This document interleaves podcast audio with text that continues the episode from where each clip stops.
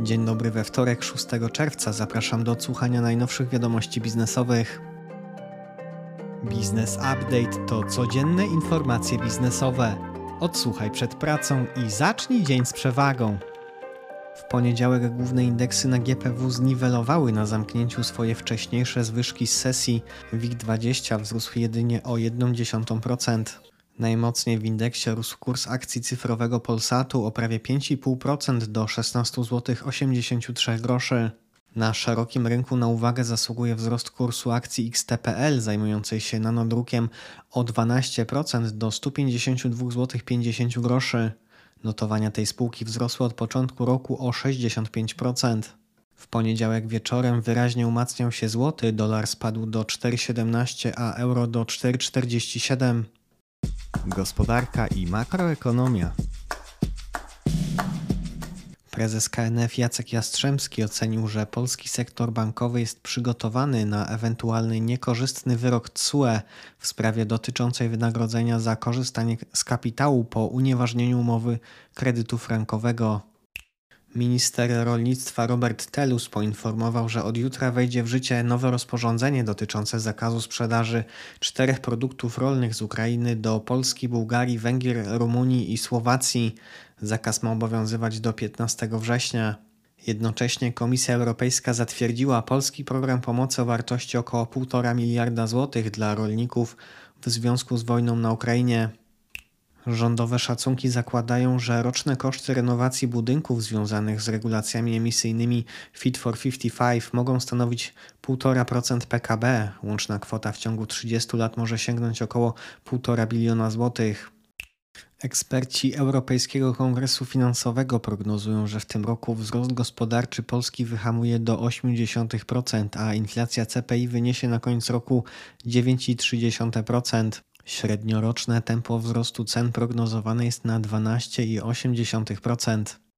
Krajowa Izba Gospodarcza szacuje, że w całym bieżącym roku eksport wzrośnie o 12,6% do 361 miliardów euro, a w przyszłym roku zwiększy się o 14,6% do 413,5 miliarda euro. Wiadomości z Unii Europejskiej. W zeszłym roku w 12 z 27 krajów Unii średnioroczna inflacja osiągnęła dwucyfrowy poziom. Najwyższy poziom wskaźnika HICP odnotowano w krajach bałtyckich. W Estonii średnioroczna inflacja wyniosła tam 19,4%. W Polsce średnioroczna inflacja HICP wyniosła 13,2%. Ograniczeniu wymiany handlowej z Rosją sprzeciwia się belgijska Antwerpia. Diamenty stanowią 15% belgijskiego eksportu poza Unią Europejską. Rosja jest największym na świecie dostawcą nieoszlifowanych diamentów, a jej udział na światowym rynku to 30%.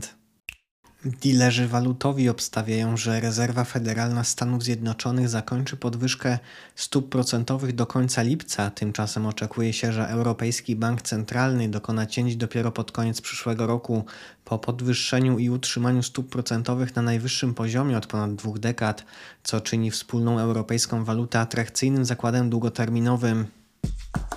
Informacje biznesowe. Około 70 tysięcy rowerów elektrycznych kupili Polacy w zeszłym roku. Łączna sprzedaż roweru była bliska 900 tysięcy, stwierdził w poniedziałek prezes Polskiego Stowarzyszenia Rowerowego. Firmy z branży prognozują, że udział e-bajków przekroczy 30% całości sprzedaży w 2026 roku. Notowana na GPW spółka farmaceutyczna Selvita nawiązała komercyjną współpracę z Uniwersytetem w Oksfordzie dotyczącą opracowania nowych terapii w leczeniu choroby Parkinsona.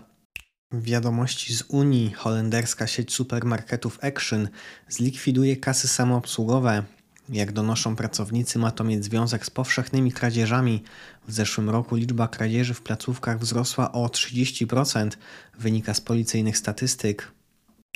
Wiadomości ze świata. W wyzwaniu dla Meta oczekuje się, że Apple zaprezentuje zestaw słuchawkowy z mieszaną rzeczywistością, pozwalający np. zwizualizować wirtualne meble w prawdziwym salonie. Jednocześnie Tim Cook powiedział, że nie chce mieć nic wspólnego z wirtualnym światem Metaverse od Mety. Fuzje i przejęcia, inwestycje i venture capital. Fundusz Private Equity Innova Capital w ramach zamknięcia funduszu Innova 7 pozyskał 324 miliony euro. Pierwszą transakcją nowo utworzonego funduszu było zainwestowanie w maju tego roku w Netopia Group, rumuńskiego dostawcę usług płatniczych. Fundusz będzie inwestował w spółki sektora przemysłu, usług finansowych oraz rynek produktów i usług konsumenckich związanych ze stylem życia. Fundusz Private Equity Avalon nabył większościowy pakiet w firmie letniskowo.pl oferującej domki letniskowe. W Europie wartość rynku domków letniskowych przekracza 5 miliardów 300 milionów euro, przy czym ponad 1% tego stanowi sprzedaż w Polsce. Marcin Brodziak, menedżer inwestycyjny w Avalonie, informuje, że letniskowo skupi się obecnie na rozwoju organicznym i nie wyklucza również przejęć firm, które pomogą w uzupełnieniu oferty spółki. Według danych KRS spółka w 2021 roku osiągnęła prawie 47 milionów złotych przychodów i niecałe 3 miliony złotych zysku netto. Grupa Play przejęła 100% udziałów w Syrionie, firmie zajmującej się usługami telekomunikacyjnymi. Zdaniem grupy przejęcie to przyczyni się do rozszerzenia dostępności usług internetu światłowodowego i telewizji cyfrowej, gwarantując klientom prywatnym i biznesowym najwyższą jakość usług oraz większą swobodę wyboru. Sieć światłowodowa Syrion obejmuje ponad 86 tysięcy gospodarstw domowych w ponad 80 miejscowościach, rozlokowanych na terenie trzech województw śląskiego, opolskiego i lubelskiego. Szwajcarski Schweiter Technologies przejął polskiego JMB Wind Engineering, producenta łopat do turbin wiatrowych. Przed transakcją Schweiter posiadał 40% akcji spółki, która w zeszłym roku osiągnęła prawie 316 milionów złotych przychodów i nieco ponad 21 milionów złotych zysku netto.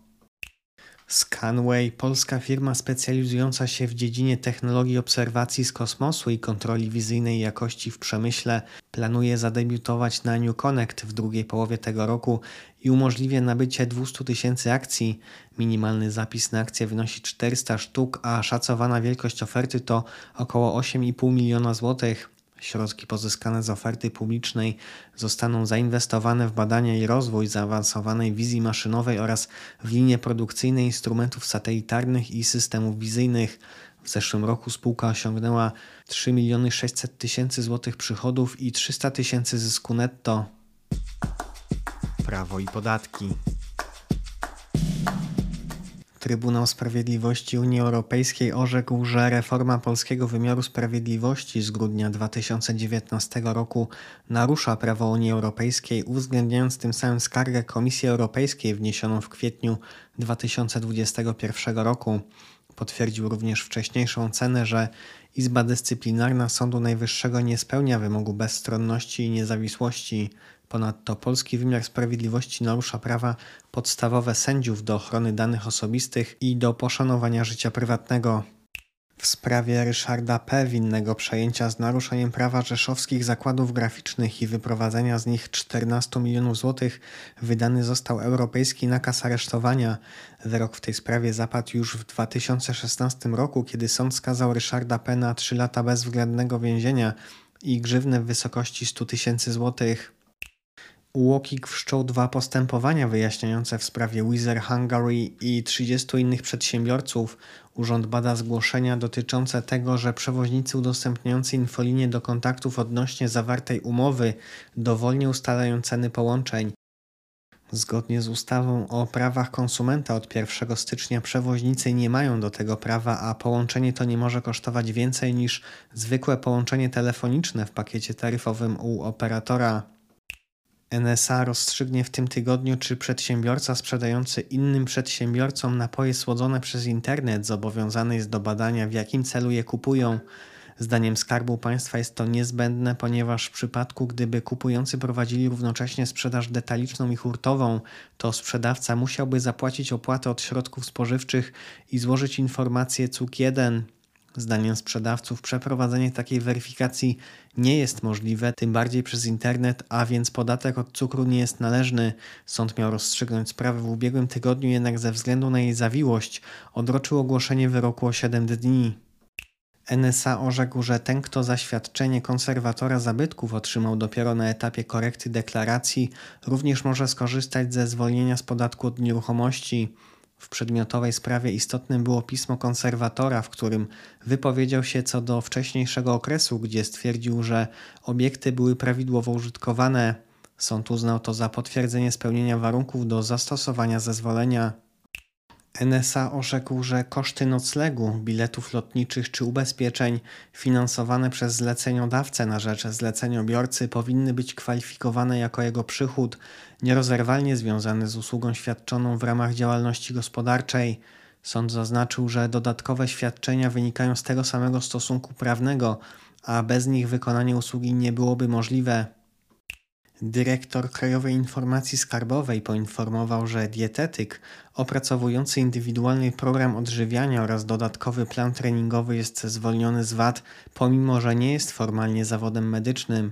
Jak wskazał dyrektor KIS, dietetyków obowiązuje rozporządzenie ministra zdrowia w sprawie kwalifikacji wymaganych od pracowników na poszczególnych rodzajach stanowisk pracy w podmiotach leczniczych.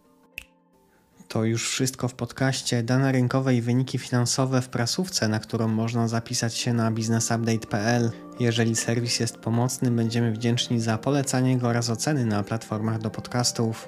Ja życzę Państwu owocnego wtorku i do usłyszenia jutro.